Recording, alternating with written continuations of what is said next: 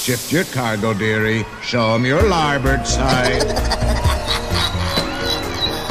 Ik heb persoonlijk kunnen vaststellen dat het paleis werkelijk een lust is.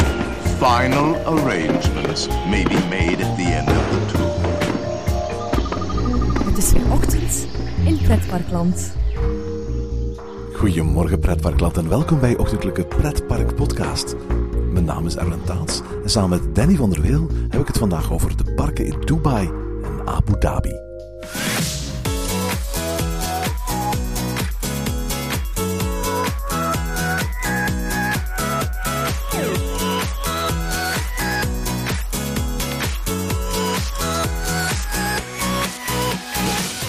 Wie tien jaar geleden de trendwatchers in pretparkland aanhoorde, kon niet anders dan concluderen dat hij zo snel mogelijk naar het Midden-Oosten moest.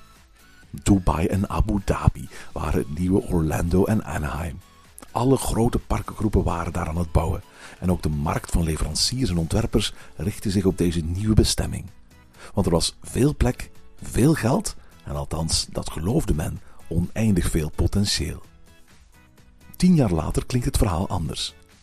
Ook al zijn daar intussen tal van indrukwekkende projecten opgeleverd, minstens evenveel zijn er intussen geannuleerd of stopgezet. En wat daadwerkelijk geopend is, blijkt weinig of niet aan te slaan. Het publiek laat het park in Dubai en Abu Dhabi massaal links liggen, terwijl andere bestemmingen alleen maar populairder worden. Danny van der Weel trok onlangs richting het Midden-Oosten en in deze aflevering vertelt hij alles over zijn reis naar Dubai en Abu Dhabi. Hey, goedemorgen Danny. Goedemorgen Erwin. Zeg Danny, ehm, we gaan het vandaag hebben over een pretparkreis die je onlangs gedaan hebt. En in Ochtend in Pretparkland hebben we het al gehad over pretparkreizen binnen Europa, naar Italië, naar Duitsland, naar de Verenigde Staten, Disneyland, ehm, Disney World, naar Tokio. Jij bent geweest op een plaats van de wereld waar ik nog nooit geweest ben. Ja, dat is toch bijzonder. Een soort Orlando, maar dan eh, aan de andere kant va- van de wereld. Ik ben naar Dubai geweest en Abu Dhabi, ja, de Verenigde Arabische Emiraten. Mensen die al geluisterd hebben naar Ochtend in Pretparkland, die hebben daar al af en toe eens iets over gehoord. We hebben ooit eens een aflevering opgenomen over Formula Rossa Ferrari World. Jij bent er nu geweest. Je noemt het zelfs het Orlando van het Midden-Oosten. Klopt dat? Is dat ook jouw indruk? Het is mijn indruk op dit moment. Eh, maar laten we direct naar de conclusie gaan. Ik ben benieuwd hoe dit over eh, vijf, zes jaar eh, doorgaat. Hè? Want als we nu kijken naar de nieuwsberichten die komen uit eh, Dubai, dan zien we ook bijvoorbeeld dat een van die pretparkresorts 300 miljoen verlies heeft geleden. het zijn allemaal nieuwe resorts. En ik heb een beetje het idee dat dat niet heel lang goed gaat. Dus ja, de toekomst is er nu. Maar is de toekomst er ook nog over zes of misschien langer tien jaar?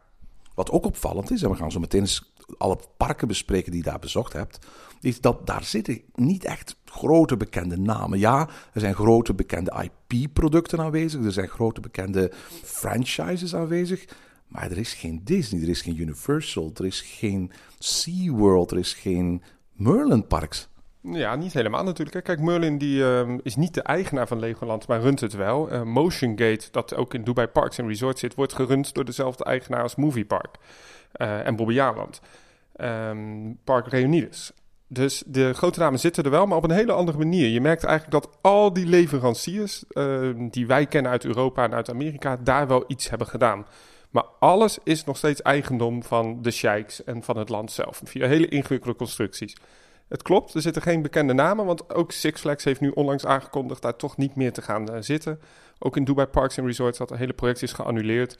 We hebben natuurlijk SeaWorld gezien, wat, wat had aangekondigd, is ook geannuleerd. Universal Studios, waar mensen volgens mij zelfs bezig was al met de bouw, of in ieder geval met de land clearing in de woestijn. Ik geloof dat daar ergens in het midden van de woestijn nog altijd zo'n poort van Universal staat. Ja, en volgens mij zelfs nog de hele berm van, eh, van, de, van de rand van het park hebben ze daar neergelegd. Ja, dat is allemaal een soort van abandoned. Er zijn ook heel veel YouTube-series eh, waar je dat kunt zien, dat mensen naar die plekken gaan. Het is een, ehm, een hele bijzondere bestemming. En ik snap heel goed dat je als tien jaar geleden dacht van... oké, als al die namen daar nu flink gaan investeren, dan is dat de toekomst. Maar als we heel goed nu kritisch kijken, dan zien we ook dat al die projecten inmiddels zijn gecanceld. En wat er nu open is, dat waren de projecten die tien jaar geleden zijn aangekondigd en wel zijn doorgegaan. Maar op dit moment, ik heb nog geen aankondiging meer gezien voor nieuwe parken. We weten allemaal hoe het verhaal begonnen is. Uh, pakweg 10, 15 jaar geleden uh, hebben een aantal hele rijke uh, oliebezittende sheiks in de woestijn eh, in het Midden-Oosten uh, zitten denken van oei, um, er zijn een aantal tendensen op wereldvlak aan de gang die het misschien niet mogelijk zullen maken om onze prominente positie in de toekomst te gaan bestendigen. Eén, onze olievoorraden gaan slinken. We gaan ook steeds meer moeten investeren om die olie naar boven te halen. En bovendien zien we dat er waanzinnige andere initiatieven, onder andere op het gebied van elektrische auto's, ontstaan. Waardoor wij misschien over 10, 15, 20, 30 jaar niet meer de, de rijkdom zullen hebben die wij op dit moment hebben. En toen dachten ze van.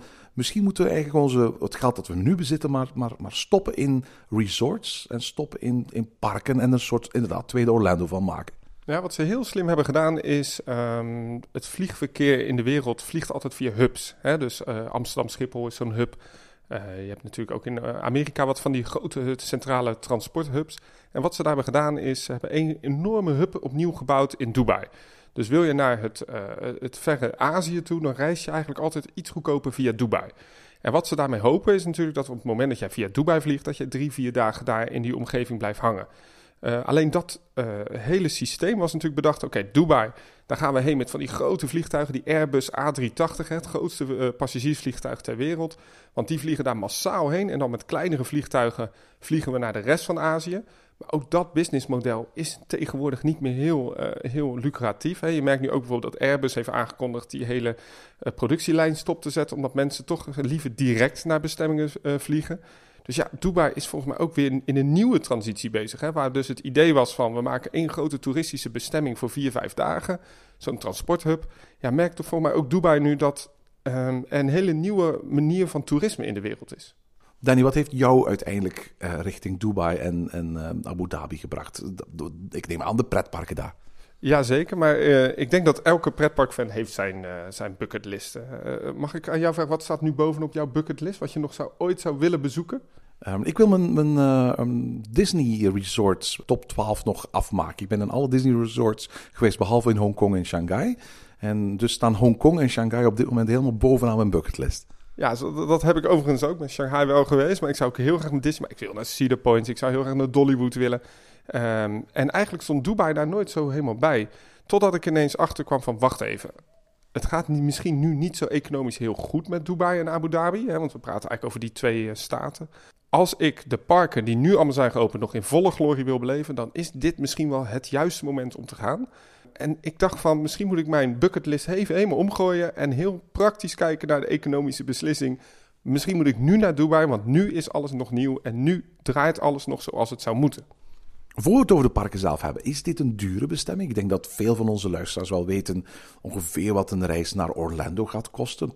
Waar spreken we over op het moment dat we naar, naar Abu Dhabi gaan en naar Dubai? Is dat duurder dan Orlando of is dat goedkoper?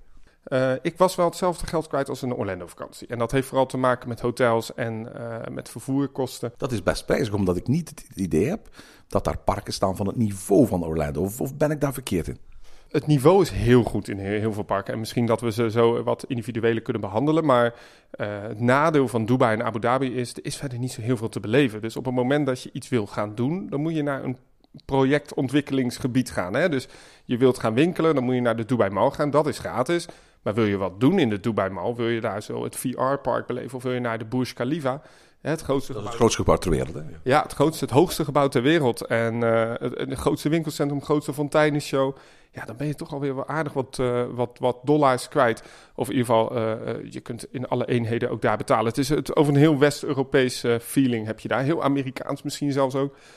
maar alles wat je wil bezoeken, dat kost geld. En dat is natuurlijk een beetje het nadeel. Als je nu naar Orlando gaat, dan kun je ook heel makkelijk op dagen eigenlijk geen entreegeld betalen en toch heel veel dingen kunnen doen. Je kunt in Orlando naar de Boggy Creek bijvoorbeeld, dus, hè, dat is een, deel van de Everglades. Je kunt even naar het strand toe uh, als je in de richting Miami rijdt. Je kunt ook heerlijk in Disney Springs rondlopen zonder daar 1 euro in principe uit te geven, even los van benzine. Maar dat kan in Dubai niet. Je hebt in Dubai en Abu Dhabi niks anders. Hoe is dat om als westerling, die uiteraard geen Arabisch kan, naar het Midden-Oosten te trekken? Je moet één ding weten, is dat de Verenigde Arabische Emiraten bestaan uit verschillende uh, lidstaten, om het zo maar te noemen. En slechts twee zijn er eigenlijk voor ons heel interessant. Dat is Dubai en Abu Dhabi. En dat zijn ook de twee meest westerse uh, lidstaten. En wat ze willen is dat daar heel veel toerisme komt. Uh, dus wat je ook merkt, is dat alles heel erg toeristisch is ingestoken. Dus alles is Engels. er zijn ook heel veel eh, heel veel kennis is er ingekocht vanuit Europa. Heel veel kennis is er ingekocht vanuit Amerika. Dat merk je ook in de pretparken. Uh, het hele park Legoland wordt gerund door mensen die zijn ingevlogen vanuit Amerika, vanuit Europa. Uh, en eigenlijk alle werklieden komen wat uit, uit, landen uit Azië, wat de armere landen, dus India, denk aan Afghanistan. En wat je dus merkt is dat het een soort culturele mengelmoes is. De Emiraten zelf, de Emirati, uh, ja, die zie je wel lopen. Maar aan de andere kant heb ik daar niks van gemerkt. Los van het feit dat in de parken wel heel vaak het gebed te horen is. Hè, dus je merkt bijvoorbeeld in, in Ferrari World dat dan een paar keer de parkmuziek uitgaat en dan hoor je de oproep tot gebed. En ik denk dat dat het enige was wat ik echt zichtbaar zag van die cultuur, van die religieuze cultuur. Uh, je bent in een ander land, het is heel anders. Nou, daar pas je altijd wel op aan, maar ik voelde me geen moment onveilig. Het is een ontzettend schoon land, heel vriendelijk land. De mensen zijn heel aardig. Uh, maar verder is er heel weinig kunst en cultuur zichtbaar. Of je moet dat echt gaan opzoeken. Maar het nadeel is, het is allemaal heel nieuw. Hè? De steden, Dubai, ja, vroeger was het echt gewoon een woestijnstad. En alles wat vroeger oud was, hebben ze plat gegooid voor nieuwbouw. En uh, ik vind het aan de ene kant heel erg jammer dat de bestemming is heel erg bedacht. Het is heel erg een, maar goed, na een week, een beetje het Las Vegas gevoel. Hè? Las Vegas zelf qua stad is totaal niet interessant. En is alles wat interessant is, is bedacht. Dat zijn de resorts, dat is de strip. En dat is een beetje jammer van, van die regio. Hoe verplaats je als je eenmaal daar bent? Is het zoals in Orlando, je huurt een auto en daarna rij je naar alle bestemmingen? Ja, ik raad het af om een auto te huren. Want op het moment dat je een ongeluk maakt, uh, ook al is het andermans schuld, dan zit je in zo'n ingewikkelde uh, ja, cultuur van wie is nou de, schuldige. En eigenlijk als toerist ben je eigenlijk altijd onderaan de ladder. In Dubai zelf uh, heb ik heel veel gebruik gemaakt van een monorail, van een prachtige metrolijn. Het is super, hè, die metrolijn daar, jongens. Het is zo schoon, zo efficiënt, zo snel. Het is echt het nieuwste van het nieuwste. Ja, het is ideaal om je met de metro te verplaatsen. Um, we hebben ook heel erg geslapen op resorts. je hebt een aantal resorts uh, waar de pretparken zich ook bevinden. Ja, dan loop je gewoon naar de pretpark. En als je echt dat Disney uh, dat je vanuit, vanuit Disney Newport Bay liep je zo naar de parken. Nou, dat kun je daar ook wel vergelijken. Is er een verschil tussen Abu Dhabi en Dubai? Qua sfeer, qua grootte, qua architectuur, qua beleving? Ja, we zijn natuurlijk een pretparkpodcast, maar ik wil toch benoemen dat het op dit moment politiek gezien een heel groot verschil is. Uh, waar Dubai vroeger de, de, de, de trekker was van de Emiraten qua geld uh, en ze daar eigenlijk heel raar hebben geïnvesteerd, is in Abu Dhabi nu waar de oliereserves voornamelijk zitten. Dus daar ligt nu ook heel veel meer macht. En wat ze daar heel slim hebben gedaan is veel uh, organischer gegroeid. Ze hebben daar veel slimmer omgesprongen met het geld. Dat verklaart zich ook in de pretparken. Dus um, je merkt dat het resort waar uh, de pretparken in Abu Dhabi liggen, dat dat allemaal veel beter bedacht is. Het is allemaal wat organischer gegroeid. In Dubai is het in één keer uit de grond gestapt op verschillende locaties. Uh, dus ja, er zit een, een, een, verschil in. En ik merkte ook dat uh, Dubai iets vrijer was en dat de islamitische cultuur iets meer aanwezig was in Abu Dhabi. Dus je ziet bijvoorbeeld daar toch de vrouwen wat meer gesluierd lopen in uh, in, in uh, gewaden. En dat zie je wat minder in Dubai zelf. Dus daar zit wel een verschil. En ik merkte ook in de kwaliteit van de parken dat ik het idee had dat Abu Dhabi iets verder was met denkwijze. Um, in Dubai is het heel erg bedacht, heel erg snel neergezet. In, ja, nogmaals, in Abu Dhabi, het voelde wat normaler aan. Je bent je reis begonnen in Dubai. Misschien moeten we daar maar eerst eventjes uh, het over hebben. Wat is er voor ons, pretparkliefhebbers, te vinden in Dubai? Ja, eigenlijk één groot. Hè? Dubai Parks and Resorts. Dat is een resort van enorme omvang uh, midden in de woestijn. Het ligt... Kun je dat vergelijken met iets bij ons? Ik zou het het beste vergelijken met Disneyland Parijs. Uh, Disneyland Parijs is een enorme ronding. Daarin liggen alle faciliteiten. In het midden van het resort ligt uh, Disney Village. Nou, dat hebben ze daar ook in Disney, Dubai Parks and Resorts. dus in het midden van het resort ligt een soort Dubai-landachtig, een soort ja, een, een, een namaak ouderwets Dubai in verschillende uh, culturen. En uh, dat heet ook het Riverland gedeelte. Er uh, staat heel veel leeg. Het is heel erg bedacht op ooit bouwen we nog een Six Flags, ooit bouwen we nog een enorm resort. Als je het masterplan ook bekijkt van het park of van het hele resort, dan zie je echt dat dat, dat enorm is. As we speak liggen er slechts, nou ja, slechts drie pretparken en één waterpark van Legoland. waardoor dus die faciliteiten eigenlijk veel te groot zijn voor wat het nu is. Uh, maar je kunt best vergelijken met Disneyland Parijs, maar dan met één resort en drie pretparken. En dan liggen die parken ook echt aan de buitenkant. Dus um, het is eigenlijk een heel vriendelijk, ja, heel overzichtelijk gebouwd resort. Het meeste is indoor. Het meeste is indoor en dat vond ik dus ook het bijzondere van Dubai Parks and Resorts. Dat uh, dus bijvoorbeeld één park ligt Motion Gate, wat voor de helft indoor is en voor de helft outdoor. En dat heeft een aantal voor- en nadelen als je nu gaat in de winter. Ik ben geweest, dan is het ideaal natuurlijk om in 25 tot 30 graden buiten rond te lopen. Het grote nadeel is dan ook het onderhoud. Het ligt midden in de woestijn.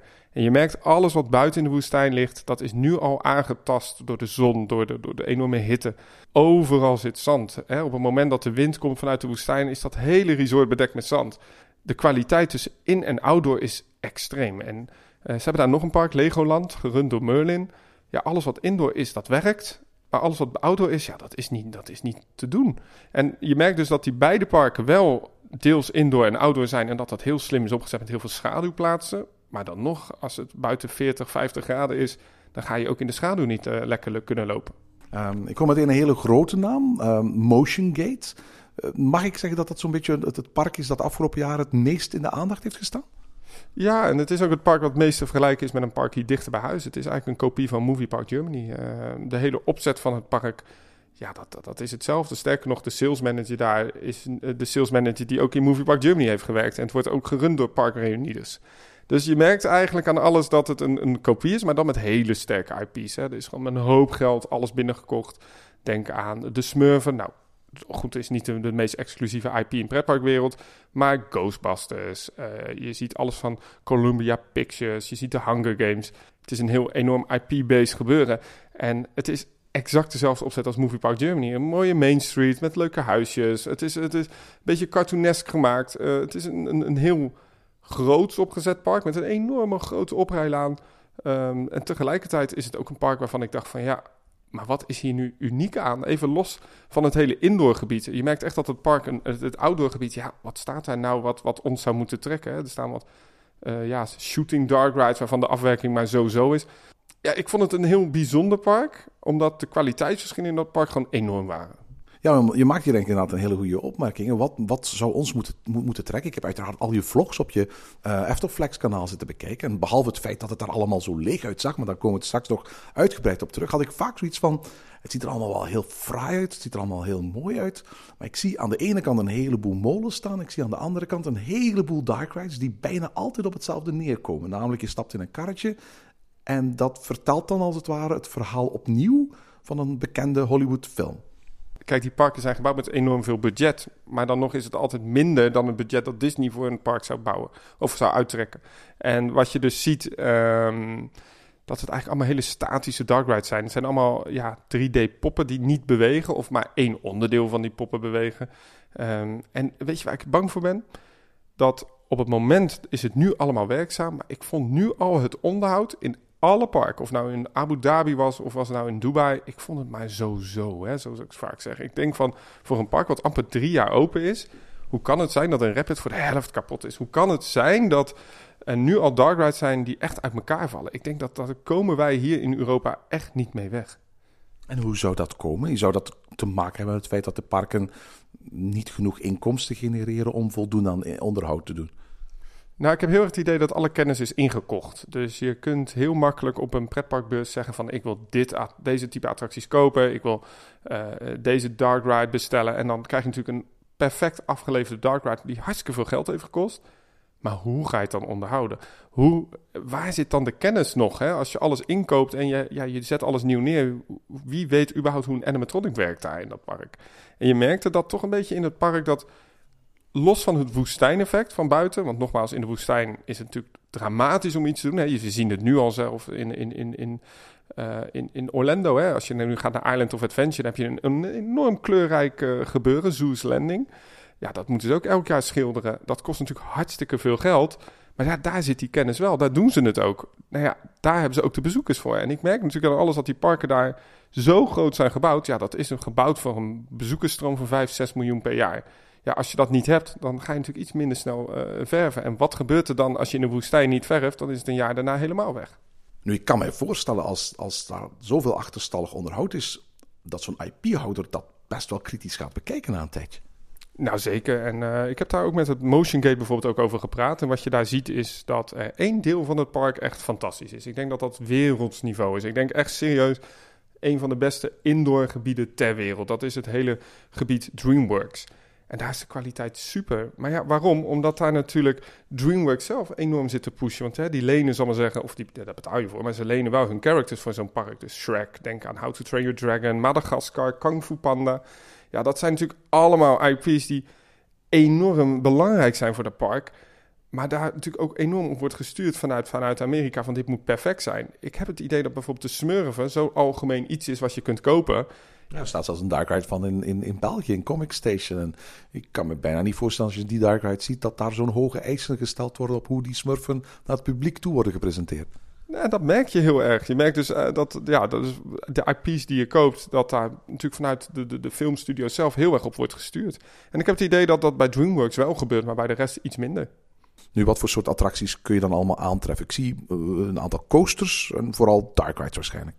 Ja, om maar even aan te geven, DreamWorks gedeelte is één gedeelte in, uh, in Motion Gate, maar dat is ongeveer de helft van het park. Dus de helft van het park is indoor. En Erwin, ik ga je zeggen, er zijn momenten geweest in mijn pretparkcarrière dat je in attracties of in gebieden loopt dat je echt denkt van wauw, ik heb dat bijvoorbeeld met Harry Potter, ik had dat in, in Avatar.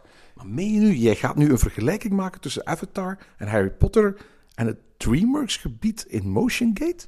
Absoluut. Ik denk bij far, en daar komt dadelijk nog wel in deze podcast iets voorbij dat ik zeg van het is bij far een van de beste dingen die ik ooit heb gezien. Het indoorgebied van Motion Gate is zo waanzinnig goed opgezet. Dat is zo waanzinnig. Je moet eigenlijk denken dat de hallen van Toverland meets Plopsaland meets de kwaliteit van Disney en Universal Studios. Het is aan alles gedacht. En het voordeel is natuurlijk van die grote hallen die ze hebben. Je kunt dat helemaal acclimatiseren. Je kunt dat helemaal aankleden zoals je dat zelf wil. Met belichting heel goed sturen. En daardoor is de kwaliteit daar zo enorm goed. En ik ben enorm fan van de, van de humor van Shrek. Uh, ik ben enorm fan eigenlijk van de humor van DreamWorks in het algemeen. Ik vind dat echt hele sterke IP's. En hoe ze dat hebben terugvertaald naar die gebieden. Denk aan een indoorgebied zoals Plopsaland of Toverland. Dat is bijvoorbeeld akoestisch een drama. Dan word je helemaal gek. Ik kom naar binnen en het was akoestisch fantastisch. De muziek was goed afgesteld. Er waren heel veel walking characters. De attracties van een waanzinnig topniveau. Um, en tegelijkertijd was het ook zo opgezet dat al die hallen een hele eigen identiteit hadden. Want ik zeg nu, er zijn als het ware vier IP's te vinden in DreamWorks. Uh, en elke IP heeft zijn eigen hal. En dat is ook opgebouwd in hetzelfde principe. We zetten een, een, een outlet neer qua, qua souvenirs. We zetten een restaurant neer. We zetten één grote Disney-term e-ticket ride neer. En we zetten een infill-attractie neer. En zo was dat hele gebied opge, opgebouwd. Ja, het was echt ontzettend goed. En vooral die e-tickets. Ja, want daar moeten we het wel eens over hebben. Hè. How to Train Your Dragon, als ik me niet vergis, is dat hetzelfde ritssysteem als Arthur in uh, Europa Park. Ja, is, uh, iets langer ook. Uh, als je naar de statistieken gaat kijken. Het is een Mack Inverted Powered Coaster. Het mooie van How to Train Your Dragon is dat um, de, de, de basis van die ride is een deel simulator op rails. Maar ze gebruiken ook het systeem zoals bij Peter Pan, dat je over de steden vliegt, miniatuursteden. Ze gebruiken een soort Soarin-effect. Dus op een gegeven moment staat het karretje in een soort Soarin-achtige simulator. Of uh, Voletarium bijvoorbeeld in Europa Park. Uh, en tegelijkertijd zit er ook een heel stuk achtbaan in. Het mooie is van die achtbaan, die bevindt zich in de, in de hal zelf. En de, de, de Dark Ride bevindt zich in een andere hal. Waardoor dat heel erg groot is opgezet. Ze hebben natuurlijk enorm veel ruimte. Ja, en ik kan mij niet voorstellen dat, dat, dat Universal uh, die zijn toch de eigenaar op dit moment van DreamWorks, zeggen van oké, we hebben zoveel nieuwe uh, materiaal gemaakt, hè, vooral filmmateriaal, al die characters met de originele voices, uh, de originele bewegingen. Ik kan me bijna niet voorstellen dat Universal zegt, we hebben al dat materiaal nu liggen, we gaan dat hergebruiken in een van onze andere attracties. Wat natuurlijk eigenlijk ook al is gebeurd. Hè? Uh, Kung Fu Panda is een simulator in dit, uh, in dit park. En een deel van die film is te zien nu in Universal Studios Hollywood. Dus Hoor ik jou nu zeggen dat je echt verwacht dat bijvoorbeeld, wel, er zijn al, is al jaren sprake dat er bijvoorbeeld een vierde park, een derde themapark in Universal in Orlando zal aangekondigd worden. Um, dat we wel eens één of meerdere van de attracties die jij daar gedaan hebt in, in, in Motion Gate, wel eens terug zou kunnen zien in Orlando bijvoorbeeld binnenkort. Nou, een groot probleem natuurlijk ook in Orlando is het klimaat. Uh, ik kan me eigenlijk niet voorstellen dat die indoor parken niet worden gebouwd daar zo in Orlando. Want je merkt steeds vaker dat die, die, die, die, die, die enorme klimaatsverandering in de wereld gaande is. En zeker in Orlando, de hurricane season. Ja, voor parken is het ook bijna ideaal om dit soort enorme gebieden daar te kunnen bouwen. En volgens mij, uh, het stuk land waar we het over hebben, het vierde park van Universal, ligt ook ergens een beetje tussen be bestaande bebouwing in. Ja, het is natuurlijk ideaal om dat helemaal indoor te kunnen bouwen. En ik, ik heb zelf wel het idee want ik kan me, laat ik het anders zeggen, ik kan me niet voorstellen dat er zoveel ontwikkeling in deze parken zijn gekomen, voornamelijk in dat DreamWorks-gebied, als het gaat om, om visuals, als het gaat om ontwerpen van dark rides, dat ze dat niet gaan hergebruiken. Dat zou bijna zonde zijn. Mag ik nog één ding zeggen over How to Train Your Dragon?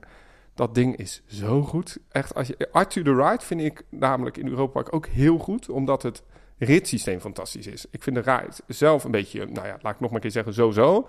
En dat is voornamelijk door de IP. hè. Arthur is geen interessante IP. Hè? En ze hebben ook geen ruimte daar. Hè? Dus eh, ze moesten natuurlijk een half in het dorp bouwen, die Dark Ride. Ehm, en hier hadden ze alle ruimte om dat hele ritssysteem te benutten.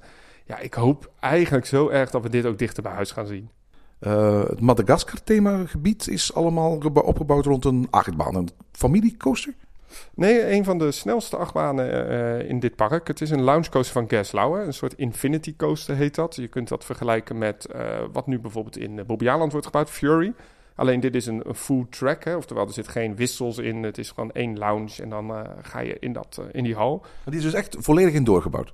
Ja, en die is voor mij echt 25, 26 meter hoog. Hè? Dus we praten hier over een enorme coaster die volledig indoor is gebouwd. Het voordeel hier ook dat die achtbaan in een aparte hal is gebouwd. Dus er gaat maar één stukje van die achtbaan buiten die hal. En dat komt dus in het themagebied Madagaskar.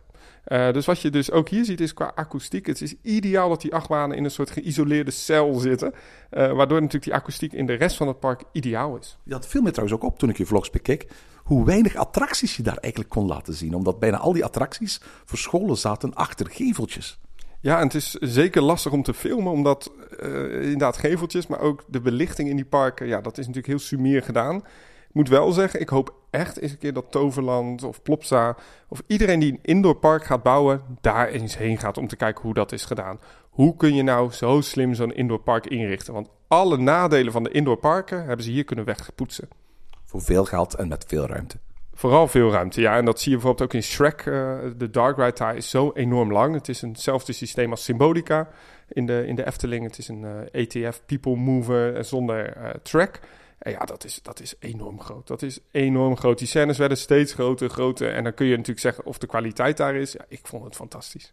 Ik heb, ik heb het uiteraard, uiteraard allemaal met filmpjes moeten, uh, moeten bekijken. Ik ben zelf nog niet in die kanten geweest. Wat ik vaak het gevoel had, was ik zag er ontzettend mooi uit. In dit geval was een soort van um, Dark Ride die als het ware het verhaal van Shrek via een soort van marionettenvoorstelling probeerde te vertellen.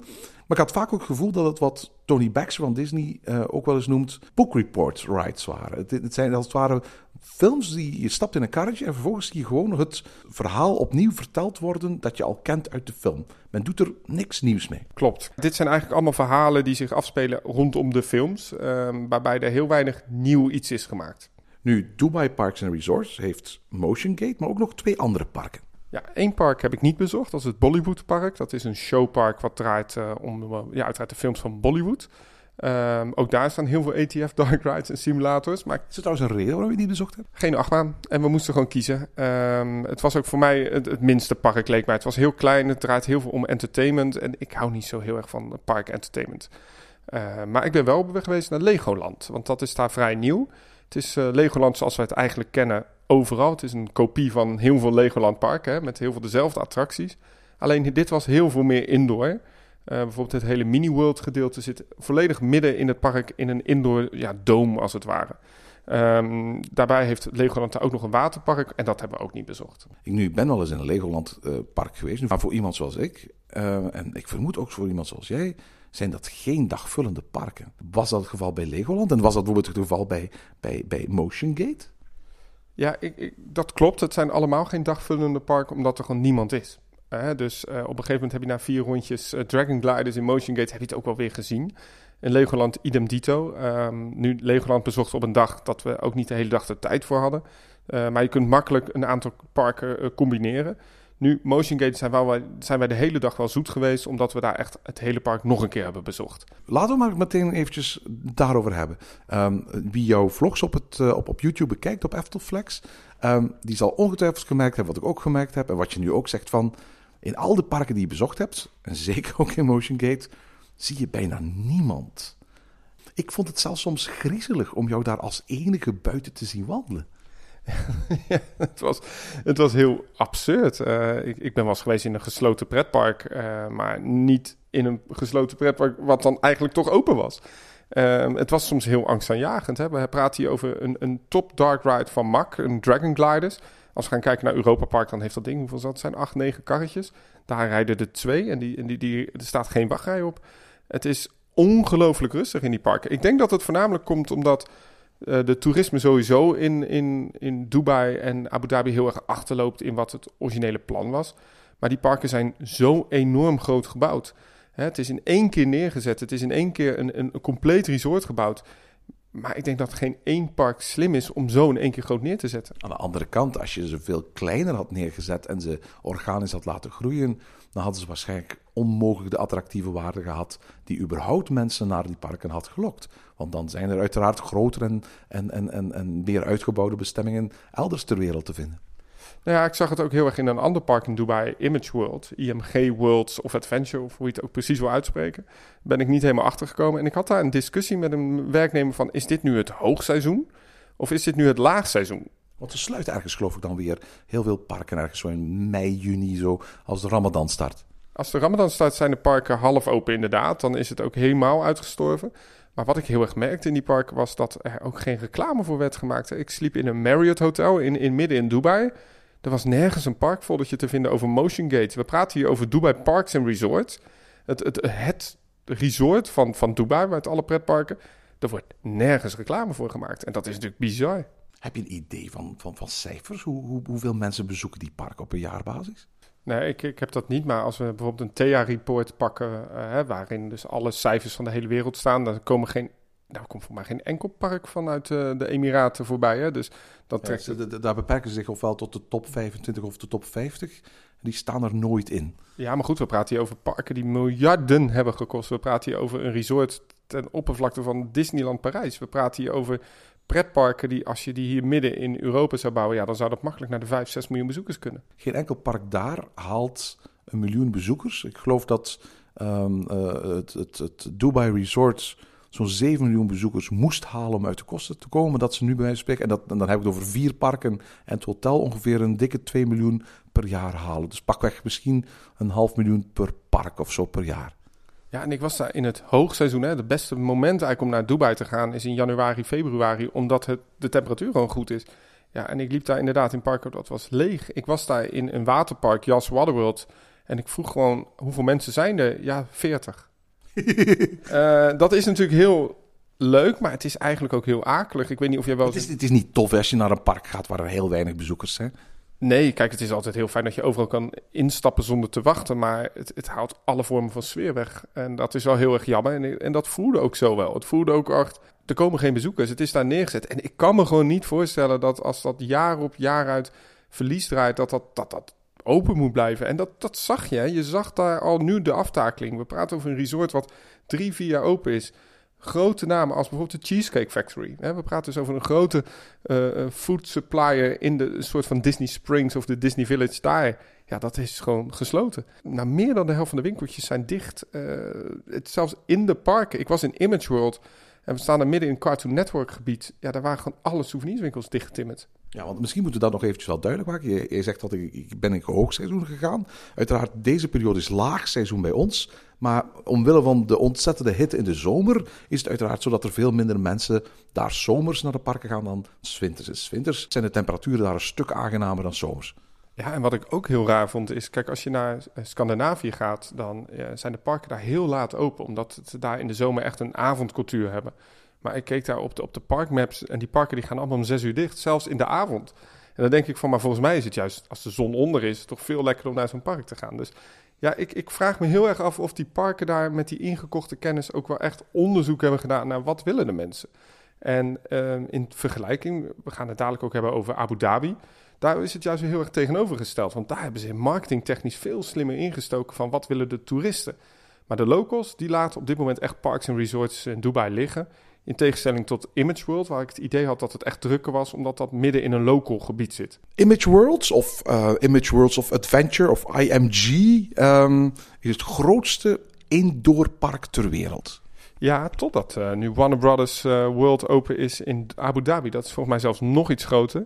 Maar om me aan te geven, dit is enorm. Dit is Image World wat er nu is. Eh, dat, is, dat is een enorm indoorpark. Het is volledig donker, dus het is een heel raar park eigenlijk. En het bezit toch wel niet de minste IP's. Hè. We praten hier over eh, Cartoon Network. Een van de bekendste uh, tekenfilmfiguurtjes kun je hier vinden. Uh, maar we praten hier ook over iets wat, wat Disney volgens mij helemaal niet zo leuk vindt. En dat is dat een heel Marvel-gebied ligt. En dat heeft alles te maken met de geschiedenis van Image World. Het zou oorspronkelijk een enorm Marvel-pretpark worden, nog voordat Disney de rechten van Marvel had. En ook hier, de opbouw van het park was oorspronkelijk bedoeld dat wat er nu is, dat dat slechts een vierde was van wat het zou worden.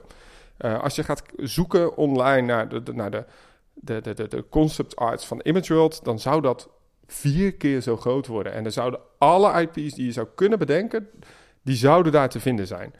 Gaan we het nu bekijken, dan zien we dus een enorm parkeerterrein waar dus het park zou moeten komen, midden in de woestijn liggen met een enorme indoorhal, maar nog steeds altijd maar een vierde van wat de bedoeling was. Maar nog steeds een ontzettend grote indoorhal, zeker als je die vergelijkt met de Plopsa indoorparken of de Toverlandhal. Het is absoluut niet te vergelijken. Alleen de hoogte al is denk ik drie, vier keer zo hoog dan wat we in Toverland zien. Ja, het is, het is enorm groot. Het nadeel van Image World is dat het één hal is. Uh, dus waar je in Motion Gate heb je een kleine um, uh, DreamWorks gedeelte. Dat zijn allemaal verschillende hallen aan elkaar. Is dit gewoon één grote hal. Um, en ja, het is ook opgezet als een weer een klassiek pretpark. Hè. We hebben een Main Street en dan uh, kunnen we links naar voren of naar rechts naar alle themagebieden misschien meteen eens hebben over het themagebied dat het meeste opvalt. Dat is het uh, Marvel-themagebied, waar we attracties zien rond Spider-Man, Thor, The Avengers, uh, The Hulk, etc. Um, uiteraard, we kennen zoiets uit Islands of Adventures uh, in, in, in Universal Orlando. Vergelijkbaar? Absoluut vergelijkbaar qua thematisatie. Dus het is eigenlijk heel schreeuwerig, heel veel harde muziek, heel veel felle neonkleuren. Heel veel van die blow-ups qua, qua figuren. Dus we zien enorme ja, cut-outs bijna van Spider-Man, die, die, die 2D-figuren. Um, het is qua kwaliteit het beste gedeelte in het park. De rest van het park valt echt in het niets bij de kwaliteit van Marvel. Omdat ik hier ook denk dat Disney uh, daar heel streng op is van wij lenen onze IP's uit, even los van dat ze het waarschijnlijk ook echt niet zouden willen, uh, moet die kwaliteit daar enorm hoog zijn. Dus waar de kwaliteit van uh, Cartoon Network en van het Jurassic Park gedeelte, wat volgens mij eigenlijk gewoon een, kopie is natuurlijk van de Jurassic Park, want het heet hier de Lost Valley Dinosaur Adventure en dan zone. Maar wat je dus ziet aan, aan het Marvel-gebied, ja, daar, daar ligt die kwaliteit zo'n enorm hoog. De visuals zijn goed, het onderhoud is goed. En de attracties zijn daar eigenlijk heel erg goed. Terwijl het park voor de rest eigenlijk helemaal niet valt daardoor. Wat voor soort attracties zijn er dan te vinden? Ja, er is een simulator, een, een Hulk-simulator. Die is gebouwd door Dynamic Attractions. Een, um... De mannen van Soren. Ja, de, die staalwerk van Soaring, maar ook voor Radiator Spring Races, Test Track hebben gedaan. Uh, maar ook uh, zijn ze natuurlijk enorm bekend van uh, de Forbidden Journey. Hè. Die hebben ze ook een deel van het ritssysteem bedacht. Het is een bekend bedrijf en die hebben daar hun eigen attractie gebouwd. Het is een simulator, het is een soort UFO. En je had vroeger trouwens op de kermis had je altijd zo'n UFO die draaide en die stuiterde. Waardoor je je moest vasthouden aan de buitenkant ervan. Dat heette voor mij een Tagida. Dit is hetzelfde principe, alleen je zit op enorme zetels. En die hele binnendoom die kan ontzettend hard draaien. Het is echt een hele eh, ja, intensieve simulator. En het is een 360 graden film. Uh, met visuals van de Hulk, helemaal in Marvel. Een fantastische attractie. Alleen doordat het ook deze attractie is gebouwd op enorm veel bezoekers. Zijn dus alle voorshows geskipt. Uh, je kunt overal nu doorlopen. Dus je merkt ook heel erg dat uh, deze attractie een veel hogere capaciteit heeft dan eigenlijk nu benodigd is in het park. Hè? Spider-Man is een van mijn favoriete attracties ter wereld. Althans, de versie in Orlando. Is die daarmee te vergelijken? Het is een achtbaan in dit geval. Het is een spinning coaster van Mack. Het is uh, vergelijkbaar met de achtbaan voorbij een kopie die ook in Knott's Berry Farm staat. Uh, maar je kunt hem vergelijken met de Dwervelwind in Toverland. Uh, het is deels indoor, uh, zal ik maar zeggen indoor-indoor. Het zit in een aparte hal. En een deel van de bocht gaat door het Marvel-gebied heen. Het is een... Um, ja, het is een, het is een oké okay Mac spinning. Het is een nieuwe Mac generatie 8 dus zeer soepel. Hij draait oké, maar het is heel erg met blacklight ook. Alright, en ze hebben dus ook een Avengers Battle of Ultron attraction. Ja, en dat is dan weer verrassend goed een hele goede simulator die dan wel weer te vergelijken is met Spider-Man. Een heel ander ritssysteem, maar wel met schermen en decorstukken en 3D. Dus hele uh, uh, mooie, mooie, mooie, mooie simulator. En dan hebben we nog een Thor-attractie die is heel erg geïnspireerd op Talokan in, uh, in Fantasialand. De rest van het park, zeg je, is dan opvallend minder. Hè? Dus, dus je hebt de Lost Valley met Dinosaur Adventure. Ik vermoed dat daar dan een heleboel bewegende dinosaurussen staan.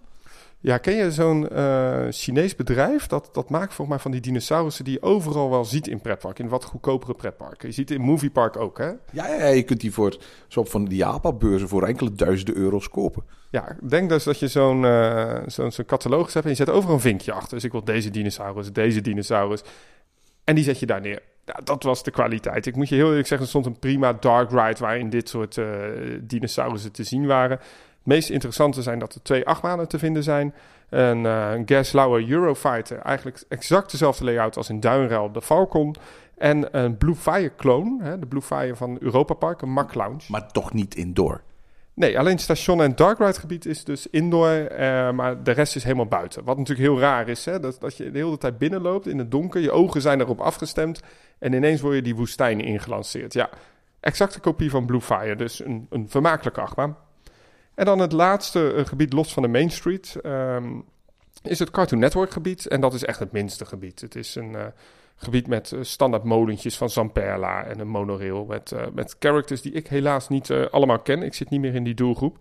Maar wat nog wel te vermelden is, is dat dit het enige park is met een walkthrough spookhuis. Met live actors en enorme grote sets. Hele verrassende attractie.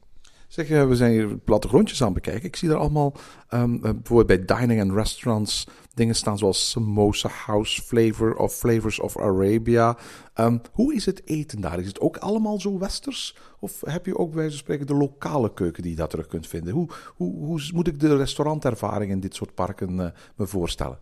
Ja, eigenlijk als de rest van Dubai en Abu Dhabi. Het is allemaal ingekocht. Het is allemaal bedacht. Dus uh, hè, van de Kentucky Fried Chicken tot de McDonald's tot de Burger King. Erg westers dus. Erg westers, ja. Alles zit daar. Dus het zijn westerse restaurants die dus zeggen dat ze Arabische keuken hebben. Uh, maar voor mij is er ook wel... Vermoed dat het meestal wel halal zal zijn dan. Alles is halal en je kunt uiteraard uh, uh, geen varkensvlees eten overal. Ehm, maar het is heel veel kip. Alles is gefrituurde kip. Um, dus ja, dat zal ongetwijfeld de lokale cuisine zijn. Goed, en dan gaan we nu hebben over Abu Dhabi. Luisteraars vanochtend in Pretparkland die weten dat we het daar al eerder over gehad hebben met uh, Thibaut van Look. Toen hebben we het gehad over Formula Rossa en, en uh, Ferrari World. Maar Ferrari World is eigenlijk een, deeltje van een groter geheel, hè? Ja, het is het uh, gedeelte Yas Island. Het leuke van Ferrari World ook is dat het een ingang heeft in een enorm shoppingmall. Um, waar dus het eigenlijk gelijk wel slim is opgezet. Hè? De Ferrari World is dus een onderdeel van een dag, als het ware. Dus het is ook een soort supplement dat je kunt kopen op alles. En dat zorgt ervoor dat zo'n park echt een half-day park is, maar dat dat ook bewust is gedaan. Het is een onderdeel van een enorm winkelcentrum. Natuurlijk het meest iconische park uh, Ferrari World, maar het bevindt zich ook direct naast een Formule 1 circuit, wat dus ook eigendom is van Yas Island. En het leuke van Yas Island is dat het dus echt een resort feeling is. Alles draait een beetje om dat Formule 1 circuit, dat natuurlijk toch de, de, de paradepaadje is van Yas Island. Maar je vindt daar ook enorm veel hotels, je hebt er alle resorts zitten. En het voordeel ook is, uh, dat al die hotels met elkaar verbonden zijn met een, een busjesysteem, dus een transportsysteem. Dus je kunt, en ik had daar echt een beetje een, een Orlando-feeling in. Je kon dus een busje nemen van, oh, die stopt eerst bij Warner Brothers, dan stopt hij bij Jas Waterworld en dan stopte die bij uh, Ferrari World. Dus welke lijn wilde je nemen? En eigenlijk kan je ook zeggen dat het een beetje een Orlando-gevoel heeft, dat als een Walt Disney World-gevoel, in de zin van, het is echt, je bent echt afgezonderd op een eiland op zee. Ja, dat klopt. Het is echt een opgespoten eiland in een soort deltazone hè, van, uh, met allemaal mini-eilandjes in de, dit gedeelte van de wereld. Um, en het, het, is allemaal net nieuw. Hè. Het is, uh, hoewel Ferrari World natuurlijk het eerste echte park was wat volgens mij daar opende en daarom ook zo bekend is. Alright, laten we even hebben over Ferrari World. Je hebt Formula Rossa gedaan. Ja, de snelste achtbaan ter wereld. 240 km per uur, Erwin. 240? En? Heel snel. En dat is het. Het is een, een, een, een, ja, een beetje verwend klinkt het eigenlijk, hè? dat je de snelste achtbaan ter wereld doet. De lounge is ongelooflijk, ongelooflijk spectaculair. Echt heel bizar. Die, je krijgt ook veiligheidsbrilletjes op vanwege het zand.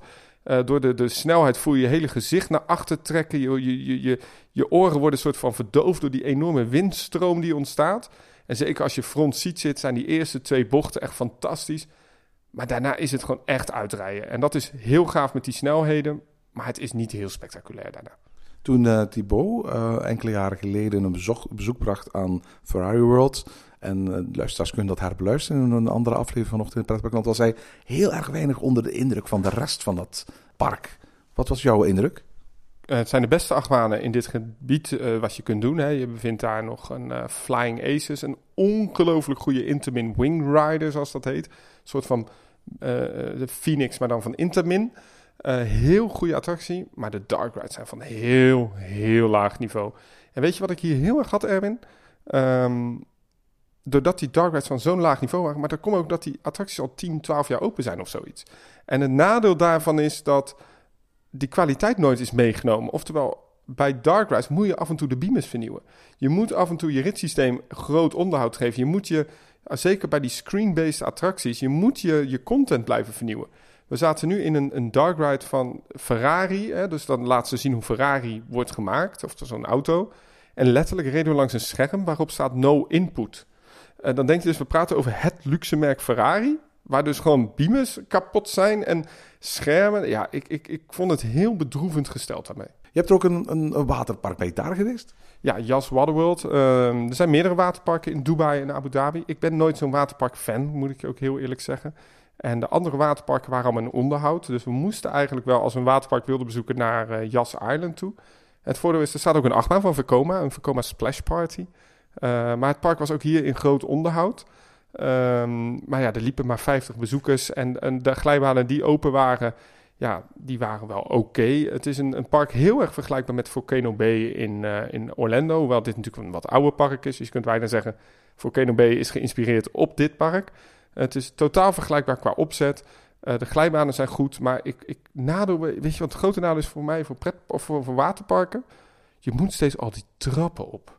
En hè, je doet een glijbaan, die doet dan 20, 30 seconden. Dan, dan ben je beneden en dan wil je nog een keer een glijbaan doen, dan moet je weer die trappen op. Ja, en als er heel veel volk staat, zoals in Typhoon Lagoon of Blizzard Beach of Volcano Bay, ja, dan, dan, dan doe je die dingen langzaam, omdat het deel, uit, deel uitmaakt van de wachtrij. Maar als er geen volk is, dan moet je de hele tijd trappen op, glijbaan af, trappen op, glijbaan af. Ik, ik kan me eigenlijk ook wel voorstellen dat, dat een pretpark doen waar weinig bezoekers in zijn, dat is al een beetje griezelig. Maar één keer in zo'n dark ride zit, dan merk je er niet veel van. Een waterpark zonder bezoekers, dat lijkt me eigenlijk nog een stuk bizarder.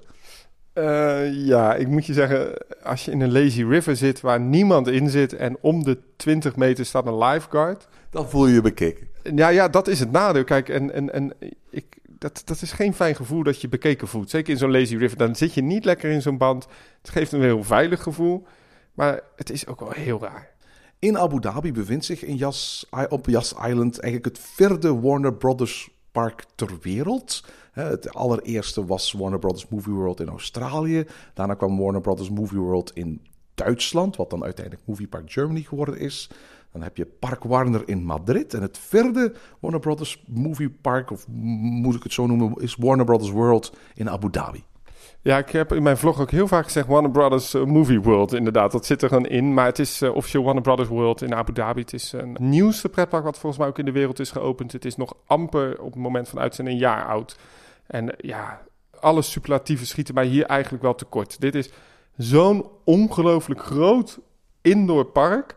Uh, het is, de kwaliteit is goed. Het is zo'n ontzettend gave belevenis geweest om hier te lopen. Ik, ik vond het bij far een van de grootste verrassingen in de afgelopen jaren.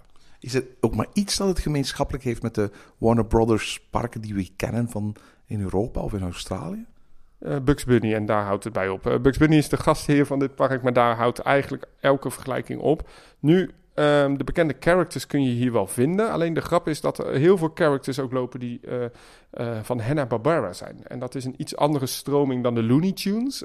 maar hier bevind je bijvoorbeeld een enorm gebied dat heet Bedrock. En dat is van de Flintstones. We zien hier een enorm gebied wat draait om de DC Comics. Hè? Oftewel Superman, Green Lantern, Wonder Woman. Uh, en die figuren kunnen we ook weer vinden in Six Flags. Als ik de plattegrond bekijk, dan zie je dat je het, het park eigenlijk betreedt via een grote indoor plaza. Want het is een volledig indoor park natuurlijk, het Warner Brothers Plaza. En vandaar kun je eigenlijk als het ware een soort van cirkeltje maken rond die plaza en langs alle verschillende themagebieden komen. Ja, wat ze hier heel slim hebben gedaan is dat elk gebied een eigen hal is. Um, en ook hier dus, het is een enorm indoorpark, maar het, is daardoor, het heeft heel veel hoekjes. Het heeft heel veel gaten waarin je kunt kijken. Het is een soort ronding om, hè, om, om het hoofdplein heen. Maar elke ronding, elke gedeelte, Gotham City of Cartoon Junction, dat zijn echt aparte hallen. En om het nog bijzonderder te maken, eigenlijk alle attracties met een uitzondering van een enkele, die bevinden zich ook niet in die hallen. Dus het park zelf bevindt zich in een andere hal dan de attracties. Oftewel, alles zit hier achter geveltjes in aparte dark ride gebeuren. Ja, je hebt eigenlijk dus drie concentrische cirkels. Je hebt dus de middelste cirkel, wat dus eigenlijk de, de is waar je binnenkomt. Dan heb je een tweede cirkel eromheen. En dat is dan als het ware het pad dat om die plaza loopt, dat je door de verschillende hallen leidt. Dan heb je een derde concentrische cirkel die er nog eens achter loopt. En daarin bevinden zich dan alle attracties. Ja, en dan is er altijd een- een deel van de attractie nog wel in die hal te zien. Ehm, en het leuke van dit park is, het is heel slim opgezet. Ehm, aan de rechterkant van het park is het vrolijk, is het cartoony, is het ook licht in het park. Oftewel, daar stimuleren ze daglicht. Alles aan de linkerkant van het park is donker. Dat is wat, wat stoerder. Dat is wat, misschien zelfs wat enger. Met als toppunt eh, natuurlijk Gotham City, waar de slechterikken wonen. En het mooie ook van dit park is als je dan daarna naar Metropolis gaat, ook in het linkergedeelte van het park, daar komt de zon weer op. Dus ze spelen hier met alle mogelijke manieren om jou te beïnvloeden. Met, en dat is natuurlijk ook weer het voordeel van een indoor park. Eh, ze kunnen hier alles mee doen. Hè. Ze kunnen jou in een donkere box alles laten beleven. Wat waren hier jouw hoogtepunten? Ehm, heel saai om te zeggen, maar de thematisatie. Als we denken aan een indoor park, dan denken we aan toch een loods. Hè? Dan denken we aan een, een, een, een, heel lelijk onafgewerkt plafond. Eigenlijk 75% van het park heeft een prachtige thematisatie. Dat heeft zo waanzinnig goed gedaan. En als je wel eens in Las Vegas bent geweest, dan heb je bijvoorbeeld ook de Venetian, het grootste hotel volgens mij ter wereld, of een van de grootste. En dan heb je gondoltjes varen door een winkelgebied en dat is binnen. Maar het lijkt alsof het buiten is, omdat gewoon letterlijk de wolken zijn geschilderd op het dak. Nou, die kwaliteit van, eh, van, van de Venetian of van Las Vegas, dat vinden we hier ook. Dus het dak is meegenomen in de thematisatie. Dus je bevindt hier geen rookmelders, je ziet hier geen sprinklerinstallaties die er ongetwijfeld zitten hoor. Maar je ziet hier geen technische installaties, alles is afgewerkt. Dus je komt ineens in een hal in, wat, wat, wat eigenlijk gewoon net alsof het buiten is. En dat maakt het zo ongelooflijk knap. Het is zo bijzonder. En doordat het binnen is, kunnen ze dus ook spelen met dat licht. Hè? Want twee keer per dag of drie keer per dag is er een grote eh, videomapping show in het centrale gedeelte van het park op Warner Brothers Plaza. En daar komen alle films van Warner Brothers voorbij, van Harry Potter, The Matrix, echt die, die, die, die, ja, die, die, die- een beetje die echte Amerikaanse filmsfeer komt daar voorbij. En dat was voor mij de verrassing van het park. Dat level van thematisatie, dat ken ik eigenlijk nog niet. Ik ben een ontzettende liefhebber van sfeer. En, en zet mij een, een halve dag op Main Street in, in, in Disney. Of, of laat mij gewoon een, een, aantal uur rondlopen door Frontierland en, of door Adventureland. En die sfeer die is voor mij vaak sterker als beleving dan individuele attracties. Denk je dat ik als sfeerliefhebber ook hier van allerlei kleine details kan genieten? Of moet ik het toch op een ander niveau zien? Ik denk dat het, eh, het park is wat jou dan het meeste gaat aanstaan. Bijvoorbeeld ook in Cartoon Junction, daar heb je de, de, de, de, figuurtjes van de Looney Tunes onder andere. Ja, als je fan bent van die, van die strips, dan weet je dat daar zoveel mooie, scherpe, volwassen humor in zit. Die kinderen nooit zullen opvallen. Maar als je goed gaat kijken naar hoe die details in dat gebied, dan, dan, dan lig je bijna dubbel van al die dubbele, dubbelzijdige humor, als het ware. En ik vond dat Ehm, ook in, in Gotham City. Ik ben absoluut geen DC Comics fan.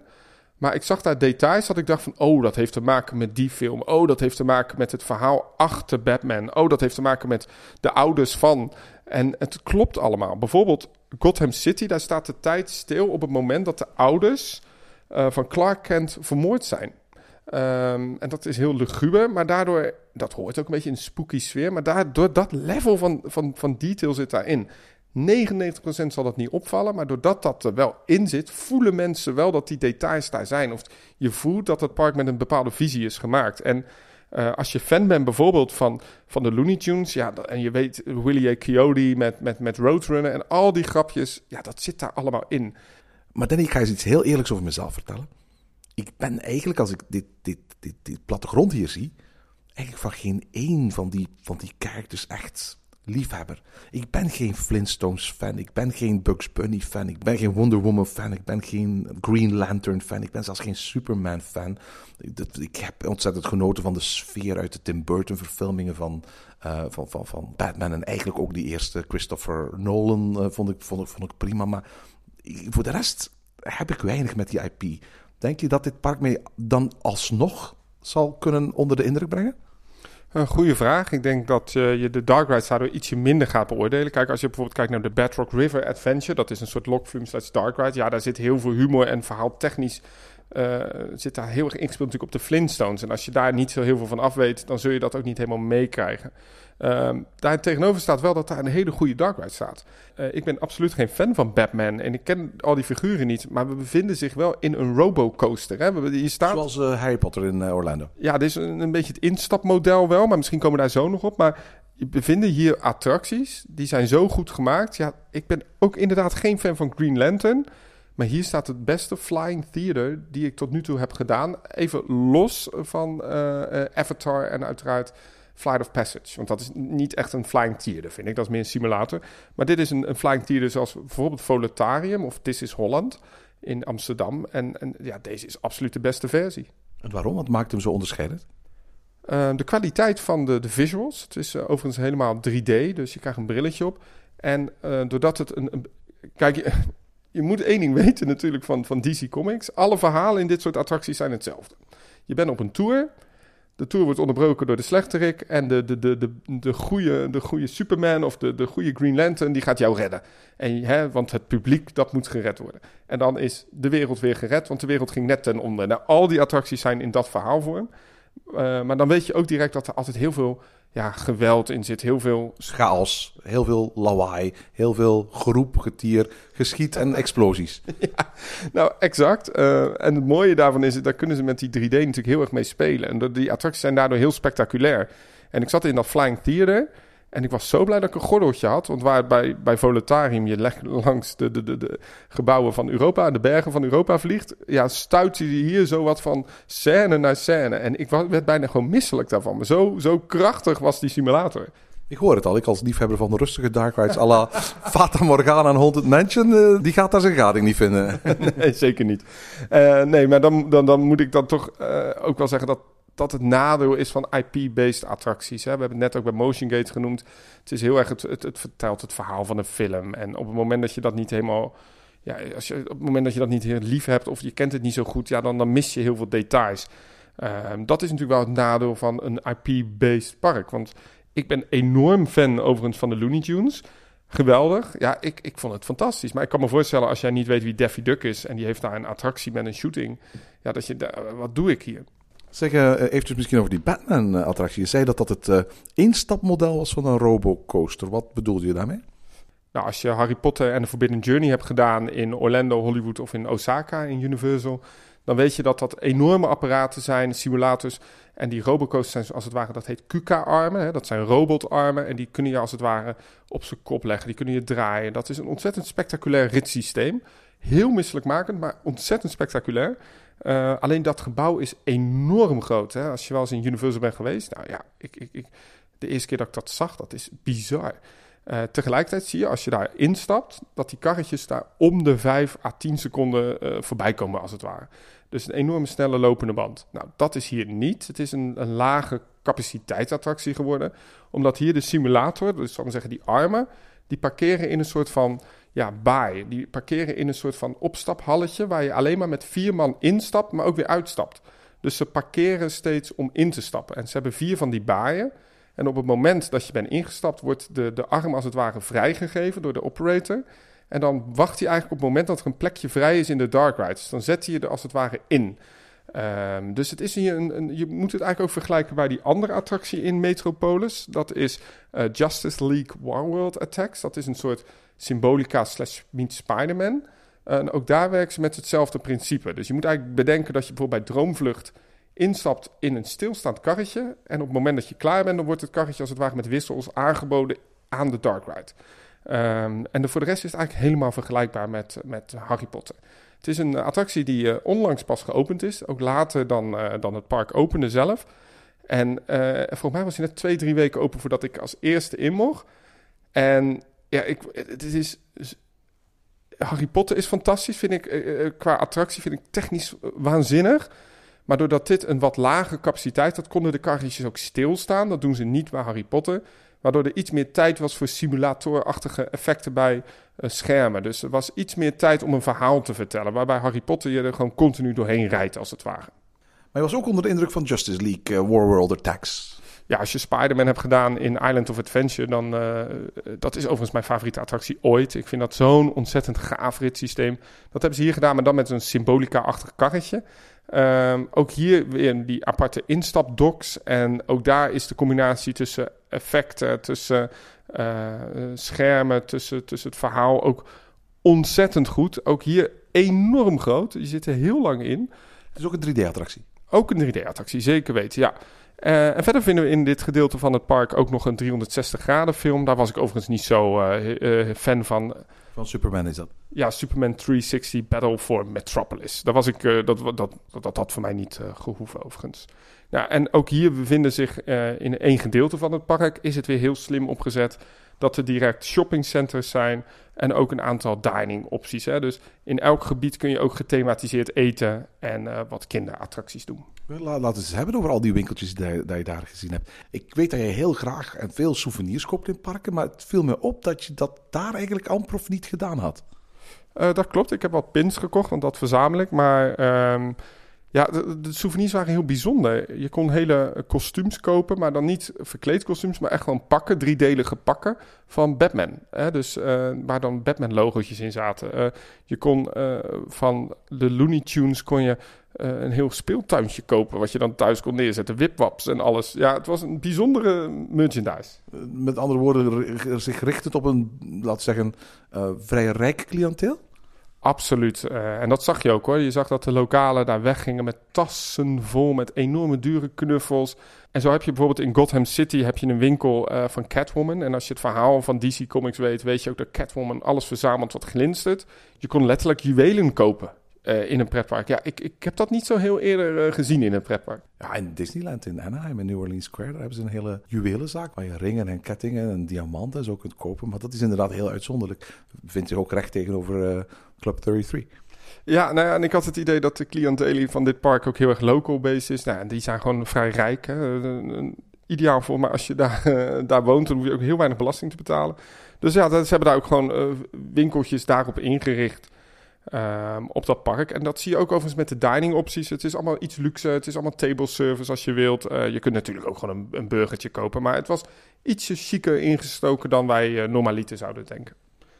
Ja, dan hebben we natuurlijk ook al gehad over Gotham City. Uh, dat is een beetje het minste gedeelte van het park, vond ik overigens. Heel erg gravity-based. Het is wat minder afgewerkt. daar vinden we een, een Zamperla Disco Coaster, volledig indoor met special effects. Daar vinden we een een, een soort haunted house meets fun house. Erg sterk, maar niet heel speciaal. Uh, het wordt iets interessanter in het cartooneske gedeelte van het park. Daar vinden we ook een aantal, uh, uiteraard, uh, trackless dark rides. Want ja, we zijn natuurlijk in dit gedeelte van de wereld. En dat is trackless dark rides helemaal in. uiteraard een shooting dark ride. ontzettend grappig op de Looney Tunes afgestemd met barcode scanners. Dus je bent in een winkel en je moet zoveel mogelijk producten scannen. Subliem. Ja, het subliem. En zeker met die humor van, van, van ACME. Hè, dat is de, de, de, de hofleverancier van alles wat misgaat bij, uh, bij Willie A. Coyote. En die, en die onderdelen uit die attractie kon je dus ook vinden bij, bij het achtbaantje in Dynamite Girls van Willie A. Coyote. En alles wat mislukt gaat. Um, het, mooie was van dit gebied is dat al die geveltjes ook echt handcrafted zijn. Het is allemaal nieuw. Het is allemaal ja, eigenlijk heel goed gedaan. Um, vinden we ook bijvoorbeeld bij Tom en Jerry de, de achtbanen spinning coaster van Samperla. Nou ja, normaal is dat niet de meest spectaculaire achtbaanleverancier, maar hier zit de on-ride muziek op. Een hele goede spinning. Um, eigenlijk ook weer een hele top dark ride. Het valt allemaal wel een beetje in het niets bij mijn favoriete attractie in het park. En dat is de Scooby-Doo ride. De Scooby-Doo ride. Ja, ik ken die serie van Scooby-Doo als, als uh, um, ja, dat het groepje jongeren dat altijd um, uh, nepspoken ontmaskert in, in, in gotische kastelen en zo. Exact hetzelfde verhaal, ja. Scooby-Doo en de Museum of Mysteries. Uiteraard, we bezoeken een museum en daar is wat aan de hand. Um, waarom is dit zo goed? Het maakt ook hier weer gebruik van hetzelfde systeem als Symbolica in de Efteling, ETF, People Mover. Uh, maar wat Symbolica een beetje mist in mijn ogen is dat het hele ritssysteem niet echt wordt gebruikt waarvoor het bedoeld is. En wat ik hiermee wil zeggen is, je gaat hier een aantal dark ride scènes in, waar elk karretje een eigen subscène gaat beleven.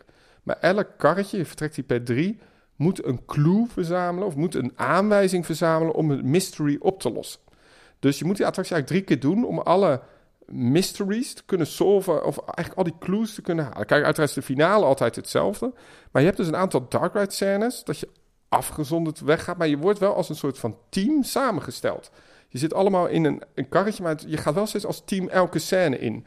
En ik vond die opzet zo vernieuwend en zo krachtig in, dat, in die attractie. Zeker met die bekende humor wederom weer van, van Scooby-Doo. En de finale, een van de finale scènes is, als je de serie van Scooby-Doo kent, dan weet je ook dat ze altijd een hallway scène hebben. Oftewel een hal met verschillende deuren. Met, waar, waar, waar als je de deur links ingaat, kom je er rechts achteruit. Die scène hebben ze nagedaan met die karretjes. Eh, en ze hebben dan nog zelfs een karretje toegevoegd met een character erin.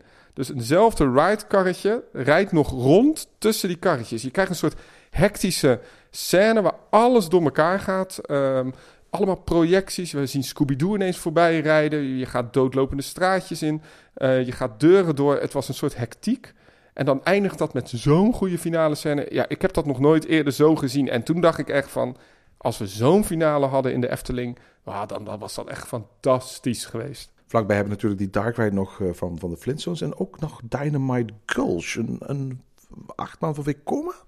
Exact dezelfde layout die Vekoma heeft, maar eh, deze is door Intamin gedaan. Eh, als je achtbaan fan bent, weet je ook dat de layout die in Gronalund staat, die Vekoma Suspended, een aantal keer is gekopieerd. Onder andere door B&M in China, maar nu ook Intamin heeft hem gekopieerd. Uiteraard hetzelfde layout door rotsen heen met eh, sterke scènes van Willie A. Coyote en Roadrunner. Met onboard muziek. Ja, eigenlijk een hartstikke leuke achtbaan. Ja, en dan ben je eigenlijk een beetje het park rond. Hè, want dan hebben we nog de Flintstones. Wat nog wel het vermelden waard is, dat in alle gebieden ook heel veel characters lopen. Dus van elke attractie, elke character staan ook buiten te meeten en greeten, zeg ik dan. Eh, dus je kunt Tom en Jerry op de foto, Tweety, Sylvester, nou, al die characters die staan er ook. En dat is natuurlijk wel heel erg leuk. En wat mij dan direct opviel is dat alle characters, de superhelden, ook echt Amerikaans waren. Ja, want zijn, dat zijn doorgaans face characters. En uiteraard, het zou raar zijn mochten dat bij wijze van spreken geen westerlingen zijn. Want zo kennen we ze natuurlijk wel uit de films, hè? Exact. En eh, het mooie ook is dat bijvoorbeeld in Gotham City ook nog een show is waar al die characters te zien zijn. Ehm, ben je fan van characters, dan is dit wel eh, next level, ja. Als je nu terugkijkt op je reis, hoe, hoe denk je er nu op terug? Want, want is- we zijn begonnen om te zeggen van... dit zou wel eens het Orlando van het Midden-Oosten kunnen zijn. Als ik naar Orlando ga, dan kom ik er altijd met heel veel plezier aan... en ga ik er met heel veel spijt weg... en kan ik niet wachten tot ik weer terug ben. Heb jij nu ook het gevoel van... ik wil weer terug naar Abu Dhabi? Ik heb het gevoel dat ik hier voorlopig nooit meer terug hoef te komen. Nee, ehm, Maar dat is natuurlijk al een heel dubbelzinnige uitspraak. Het was wel leuk, je reis. ik heb een fantastische reis gehad. Maar het mooie van Orlando is dat ik daar echt het gevoel had dat het daar leefde. Dat, het daar, dat daar een soort van vibe hing. Dat je denkt van, oh, nu kan ik relaxen. Dit was allemaal zo rustig en zo bedacht. En er was verder zo weinig te doen buiten de parken. Dat je een beetje het gevoel hebt van, ja, wat gaan we nu doen? En het, het grote nadeel van die parken is dat het, het is indoor, wat ontzettend leuk is. Maar daardoor ben je de hele dag binnen. Ik had na een dag Warner Brothers echt het idee van... Ah, ik ben blij dat ik even buiten ben. Maar het was alweer donker. Ehm, het gevoel van tijd, het gevoel van ja, vakantie had ik niet echt. Wat ik, in, wat ik in Orlando wel had. En dat heeft ook te maken doordat de kracht van Orlando, maar ook van Disneyland Parijs of waar je ook heen gaat, zit hem ook in het entertainment. Hè? Je, je hebt nog een mooie grote avondshow. Je kunt nog vuurwerk kijken. Je kunt nog uitgebreid winkelen. Ja, dat is hier allemaal zo bedacht. En net even, ja, niet, net niet dat vakantiegevoel. En, en, en ik had een beetje het gevoel na een week, anderhalf, ik heb het wel een beetje gezien. Je zei ook dat de meeste parken al relatief vroeg dicht gingen, pakweg rond een uur of zes. Dus dan, dan, dan, dan moest je telkens buiten de parken je entertainment gaan zoeken. Dan ging je ergens iets gaan eten of gaan shoppen in de malls, want dat is ongeveer wat je kunt doen daar. Ja, of in de hotelbar zitten. En, en de rest was er niet zoveel. En dat is jammer. Dat is het, het, wij zijn wel een paar keer nog naar de Dubai Mall geweest... waarin je dus een spectaculaire avondshow hebt op de Burj Khalifa... maar ook met de fonteinen. Maar ja, kijk naar één keer zo'n fonteinenshow... en je hebt het toch wel gezien. En dat vond ik heel erg jammer van, van Dubai. Het kon mij daarbuiten niet vermaken. En eh, ik, ik- ik vraag me af of dat dan, dan wel de gedroomde bestemming is... die je zou willen bezoeken met zo'n vakantie. Denk je dat iets voor mij zou zijn? ja, dat is een hele goeie. Weet je wat het is? Het, het voordeel van Dubai is als je daar een park hebt bezocht, dan heb je voor de rest van je leven genoeg trackless dark rides gedaan. Want ik ben wel een, ik ben wel een dark ride liefhebber, maar ik ben bang dat ik ook een, een, een sfeerliefhebber ben en een animatronic liefhebber. En dat ik voor dat eerste dark rides wel daar terecht kan, maar voor heel veel goede eh, animatronics of voor heel veel sfeer juist niet. Ja, het is ook wat ik in mijn vlog zei. Kijk, zo'n Warner Brothers, het is net een jaar open. Het is allemaal het nieuwste van het nieuwste, de nieuwste type attracties. Maar hoe is dat over tien jaar? Is, en hè, wat we nog vergeten zijn te vertellen, die IP's, die verouderen ook. Er zijn weinig IP's zo tijdloos, denk ik, als, als de Looney Tunes. Maar wie van, van de huidige generatie kent nog de verhalen van Bugs Bunny of van Daffy Duck? Of kent nou de verhalen van de Flintstones nog? Het is allemaal een beetje ingekochte kennis. En dat, je kunt je inderdaad voorstellen dat over tien jaar Kung Fu Panda of misschien zelfs Shrek, want daar worden geen nieuwe films meer van gemaakt, eh, voor, een, voor een generatie echt als gedateerd zullen aanvoelen. Ja, het voordeel van Orlando is dat ze het gewoon letterlijk platgooien en iets nieuws bouwen. Hè? Bijvoorbeeld Twister is dan platgooid voor Jimmy Fallon. Eh, want wie kennen de film Twister nog? En ja, die vrijheid heb je als je heel veel miljoen bezoekers per jaar trekt. En als je heel veel omzet maakt. Nou ja, wat doe je als je parken niet lopen? Ja, ik ben, ik ben daar een beetje... eh, hmm. ik zou, mag ik zeggen, als je het zou willen bezoeken, bezoek het dan nu. Ga het niet uitstellen over 5, 6 jaar. Ik denk dat dit nu het moment is om naar die parken te gaan. Want er zijn geen nieuwe parken meer aangekondigd. Ik verwacht echt geen nieuwe grote mega-investeringen meer in de huidige parken. Dit is het een beetje, denk ik. En tot zover deze aflevering van Ochtend in Pretparkland. Heb je vragen of opmerkingen? Mail ons dan via ochtend.pretparkland.be. Meer informatie over onze podcast vind je terug op www.pretparkland.be en nieuwe afleveringen download je via onze website of via iTunes. Ochtend in Pretparkland is de pretparkpodcast voor vroege vogels. Bedankt voor het luisteren en maak er een fijne dag van.